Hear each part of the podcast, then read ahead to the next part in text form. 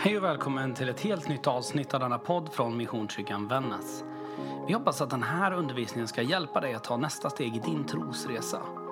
Vill du veta mer eller få kontakt med oss så hittar du oss på www.missionskyrkanvannas.se eller på de vanligaste sociala plattformarna. Välkommen hem hit!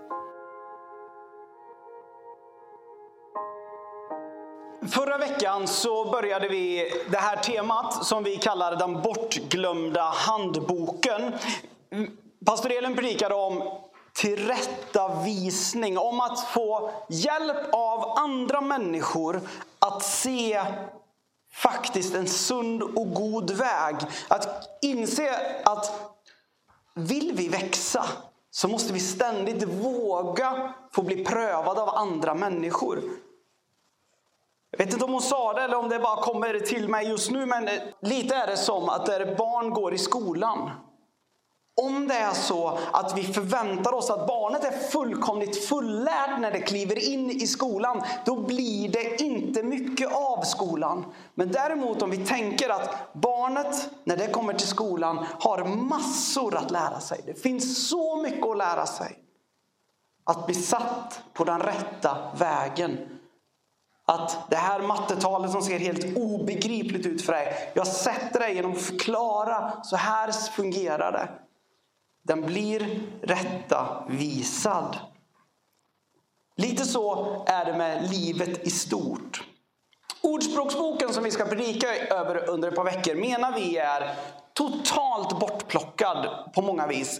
Under, vi nämnde det redan förra veckan att under tre års kyrkoår så är det en söndag där det är en liten kort vers ifrån som är en rekommenderad läsning. Det är som att den är lite jobbig, den skaver. Men Ordspråksboken är full utav någonting som är vishet. Och vad är då vishet?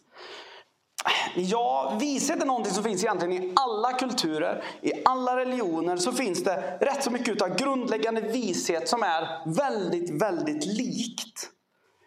Vissa skulle nog säga att det är dels en livskunskap, men jag skulle också vilja dra det så långt och säga att det visar också på människans renaste innersta grunddrag. Alltså saker som är mänskligt egentligen. Som är liksom som nedlagt i, när människan blev till så blev det som nedlagt i. Här finns det liksom grundläggande drag. Eller om vi tar det ur en kristen kontext att förklara hur, hur människan på något vis i grunden var skapad före man klev bort från Gud. Eller om vi tar in det i vår kultur och lättare förstår det. Före sociala konstruktioner, före en massa ideologier, före mänskliga konstruktioner som drar isär människor. Utan snarare det där innersta, ursprungliga. Jag skulle vilja börja med att ta er med tidigt, tidigt i Första Mosebok. Eh, för att, jag tror för att förstå så måste vi börja i när människan liksom blev till. Där står det berättat så här. Gud talade. Låt oss göra människor som blir en bild av oss. Som speglar vårt innersta väsen. Som kan få ansvaret för fiskarna i havet, fåglarna i luften, alla djuren, ja, för själva jorden och för alla djur som rör sig på jordens yta. Gud skapade människor, skapade dem gudalika till att spegla Guds väsen. Han sa också, ta ansvar för fiskarna i havet och fåglarna i luften och för allt som lever och rör sig på jordens yta. I vår grund, i allt det som finns i allt det som är oss så är det det visa livet. Det är det som Gud önskade att vi skulle spegla. Det berättas lite senare om att Gud säger ni får äta av vilket träd ni vill. Men ni får inte äta utav kunskapens träd. För kunskapens träd ger er full kunskap om vad som är sant och vad som är falskt. Alltså gott och ont. Det ville inte Gud att vi skulle ha. Varför? För att Gud är ond? Nej, snarare tror jag på grund av att man menar att det här är inte något ni kan hantera. Vi fick äta fritt vad vi ville utav andra saker. Bland annat vishetens träd berättas det om i en judisk skapelseberättelse som ligger parallell till första Mosebok. Så berättar de om vishetens träd. I det här fallet kanske man skulle kunna tala om vishet, snarare tilliten till att Gud vill mitt bästa. Och kunskapens träd är snarare om tilliten till att jag ska veta vad som är det bästa. Eller om jag får vara lite kaxig, ett allt starkare kontrollbehov. Guds önskan var att det skulle bli på ett helt annat vis. Gud hade ingen, verkar inte haft någon ambition att vi skulle behöva reda i så mycket själva. Nåväl, ett av grunddragen som finns i den där visheten ska jag ta med er till idag. För nu börjar jag egentligen, det där var bara en liten introduktion. Jag ska prata idag om någonting som Gud la ner oss som då är en spegling av Gud. Det ordet är generositet. Så här berättar författaren till Ordspråksboken det. För den som delar med sig blir världen bara större. Men för den som är missundsam så blir världen bara mindre. Lycklig den som gör andra väl. Den som hjälper andra får själv hjälp. Till att börja med så ska vi bara börja bena lite i orden här. Delar med sig och hjälper andra. Det är exakt samma ord. Och nu ska ni få en riktig grund... Eh, ja men, eh, gott skratt kanske. Hur man uttalar det här ordet på hebreiska. Det hebreiska ordet är berach. Vi börjar. Berechka. Berechka. Försök säga det tio gånger snabbt. Berechka, vad är det för ett ord? Ja, berechka, det är ett ord som ni hör översatt till svenska i exakt varenda gudstjänst i alla fall sedan jag började här. Så, och jag är övertygad om att oavsett vart du går i en gudstjänst så hör du alltid om berechka. Fast på svenska. Men innan jag avslöjar fullt ut vad det ordet betyder i sin grundrenaste form så vill jag tala lite mer om texten. Den visar på att om vi delar med oss, är generösa och givmilda, då får vi mer. Okej, okay, kanske du tänker, hur kan jag vara så säker på det? Det är alltid ett vågspel. Säg om jag bjuder hem en vän på middag. Det är ju ändå faktiskt ett vågspel. Kommer jag bli bjuden igen? Kommer jag verkligen få det där? Visst kan man få tillbaka en sorts skön feelgood. Jag skänker pengar till ett, inte vet jag, jag skänker pengar till ett fadderbarn. Men vad får jag tillbaka av det mer än en god bild att sätta på mitt kylskåp och en liten god känsla i mitt inre att det här var rätt? Eller för att faktiskt tala om det som det är. What's in it for me? Vad tjänar jag på att vara givmild? Allvarligt talat. Anledningen till att vi så lätt fastnar tror jag i tanken på så här att överhuvudtaget fundera på vad kan jag tjäna på att vara givmild? Det hörde jag ett fantastiskt argument från superentreprenören och just nu världens rikaste man Elon Musk. Han uttryckte det i en intervju häromsistens. Vår kultur, alltså den västerländska kulturen menade han, är så besatt av pengar att vi klarar inte av att tänka i något annat system än ekonomi. Vår kultur är så besatt av pengar att vi inte klarar av att tänka i något annat system än ekonomi. Allt liksom vi gör blir typ en ekonomisk beräkning. Det är den här formen av tänkande som leder till att en region i Sverige har, de har knappt barnmorskor så räcker. Liksom, sjukvården går på knäna. Men ändå så kan man gå med 1,8 miljarder i vinst. I min värld, och jag är ingen ekonom, det ska ni verkligen veta, men i min värld så låter det faktiskt idiotiskt, för att uttrycka det milt. Det är samma tänk som gör att vi faktiskt kan tala om att, ja, att det ska finnas ålar eller laxar kvar. Det är ett särintresse. Att man kan göra en ekonomisk beräkning för att se att nej men alltså det här med att ska vi ha älgar kvar i skogen, alltså det kostar ju så här mycket i i, där, som blir uppätet. Det är den här typen av beräkningar som, som gör att man alltid kan säga Nej, men det där det är, det är olika kassor. Men i grunden så handlar det ju om någonting mycket större. Vår, våra, liksom, vi är så fast i ekonomiska beräkningar. Ska jag ge, då ska jag få.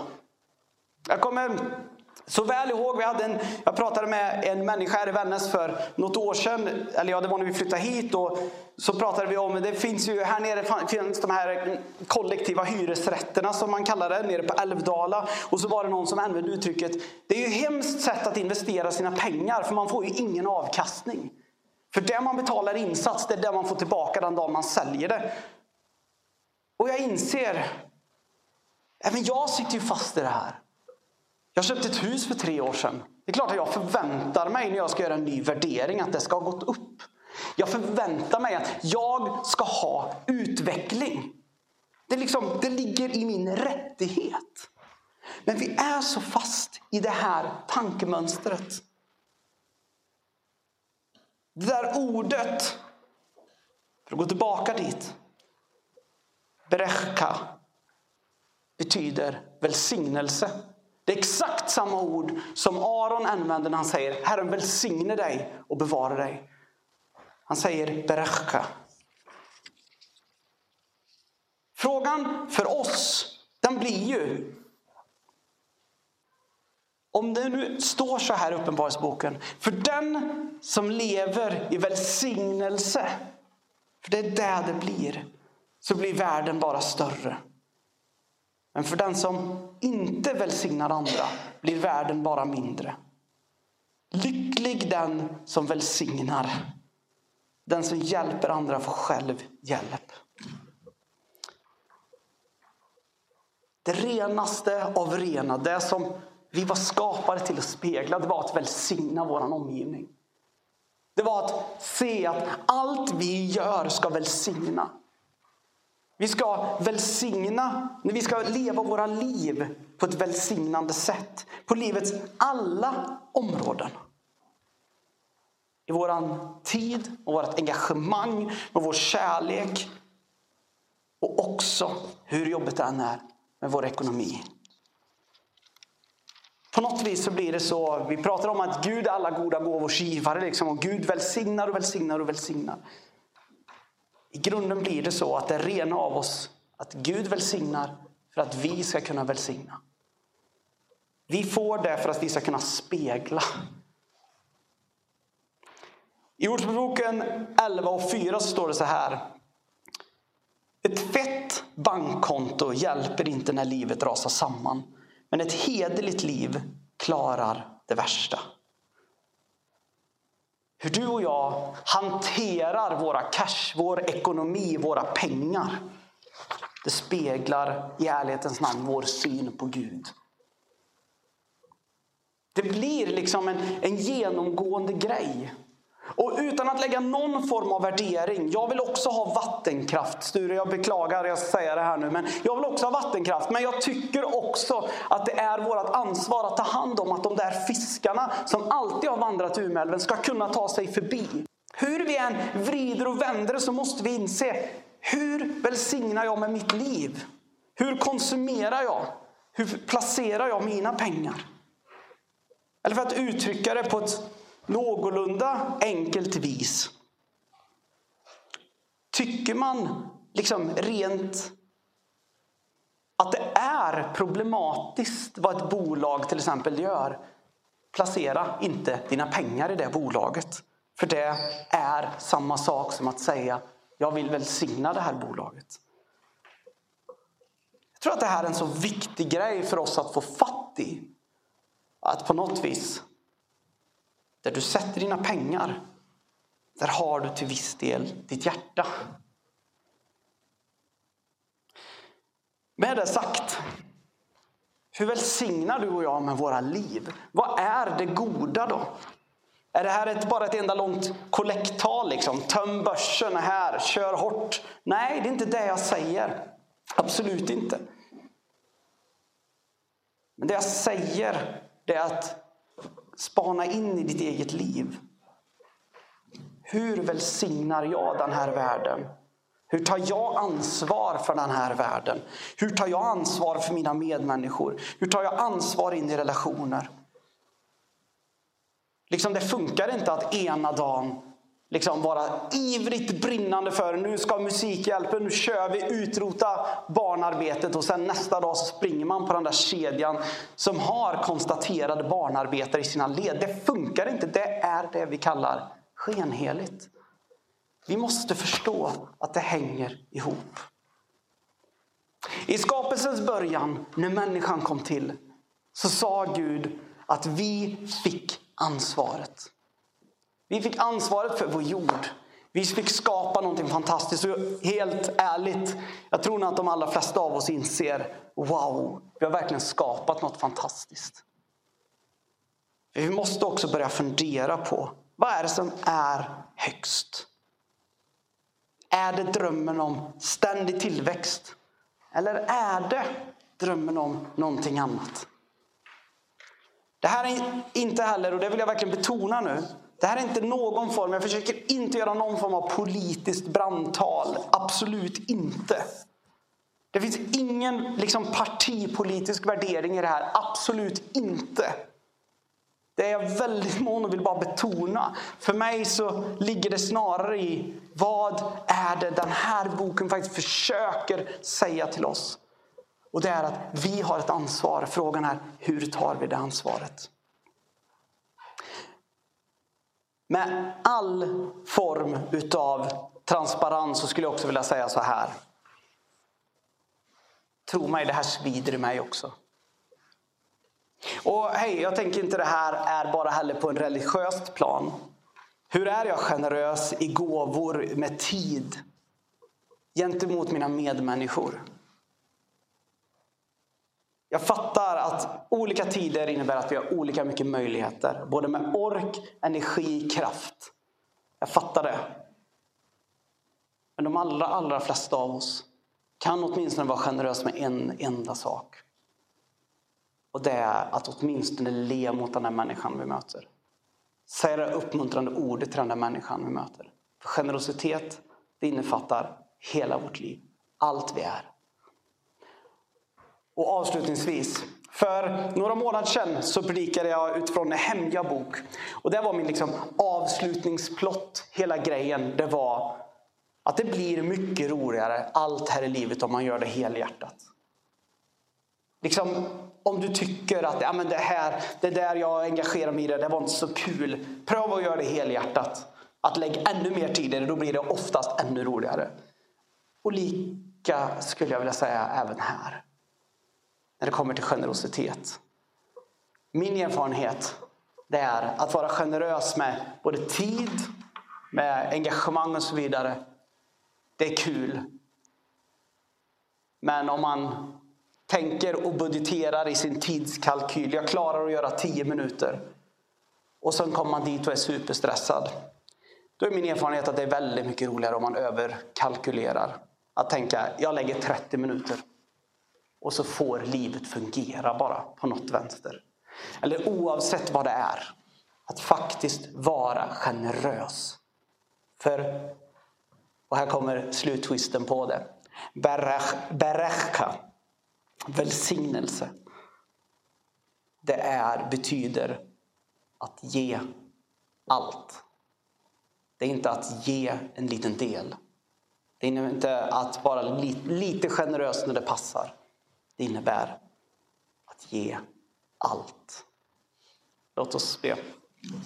Herre, tack för det du har skapat i oss. Tack för den generositeten som ligger nedlagt i oss i grund. Och Herre, jag ber att det är någonting som ska få växa i oss. Alla och en var.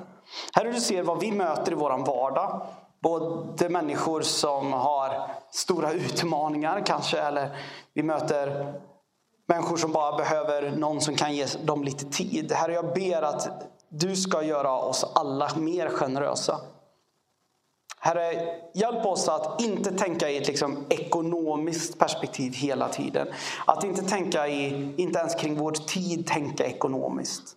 inte bara budgetera en massa utan att faktiskt bara vara rent ut sagt generös. Och Herre så ber jag också utifrån perspektivet med ekonomi. Herre jag ber att vi ständigt ska få välsigna med våra medel. Inte riva ner. Att vi fattar att liksom, vi har lagt ett ansvar, vi har getts ett ansvar. Herre hjälp oss att förvalta det på ett gott vis, på ett klokt vis. Och Herre så ber jag också för var och en som känner att det här skavde lite grann så ber jag Herre, kommer de att möta dem med nåd. Kom med uppmuntran. Hjälp oss alla att se på vilka sätt vi redan nu är generösa. Ber så i ditt heliga namn Jesus. Amen. Hej, det här är pastor Johan och jag hoppas att den här podden har fått betyda någonting för dig. Min bön är att det här ska ge dig verktyg för att ta ditt nästa steg i tro och i ditt liv i allmänhet. Spana gärna in vår hemsida, där finns det fler poddar, en mängd andra resurser. Gud välsigne din vecka.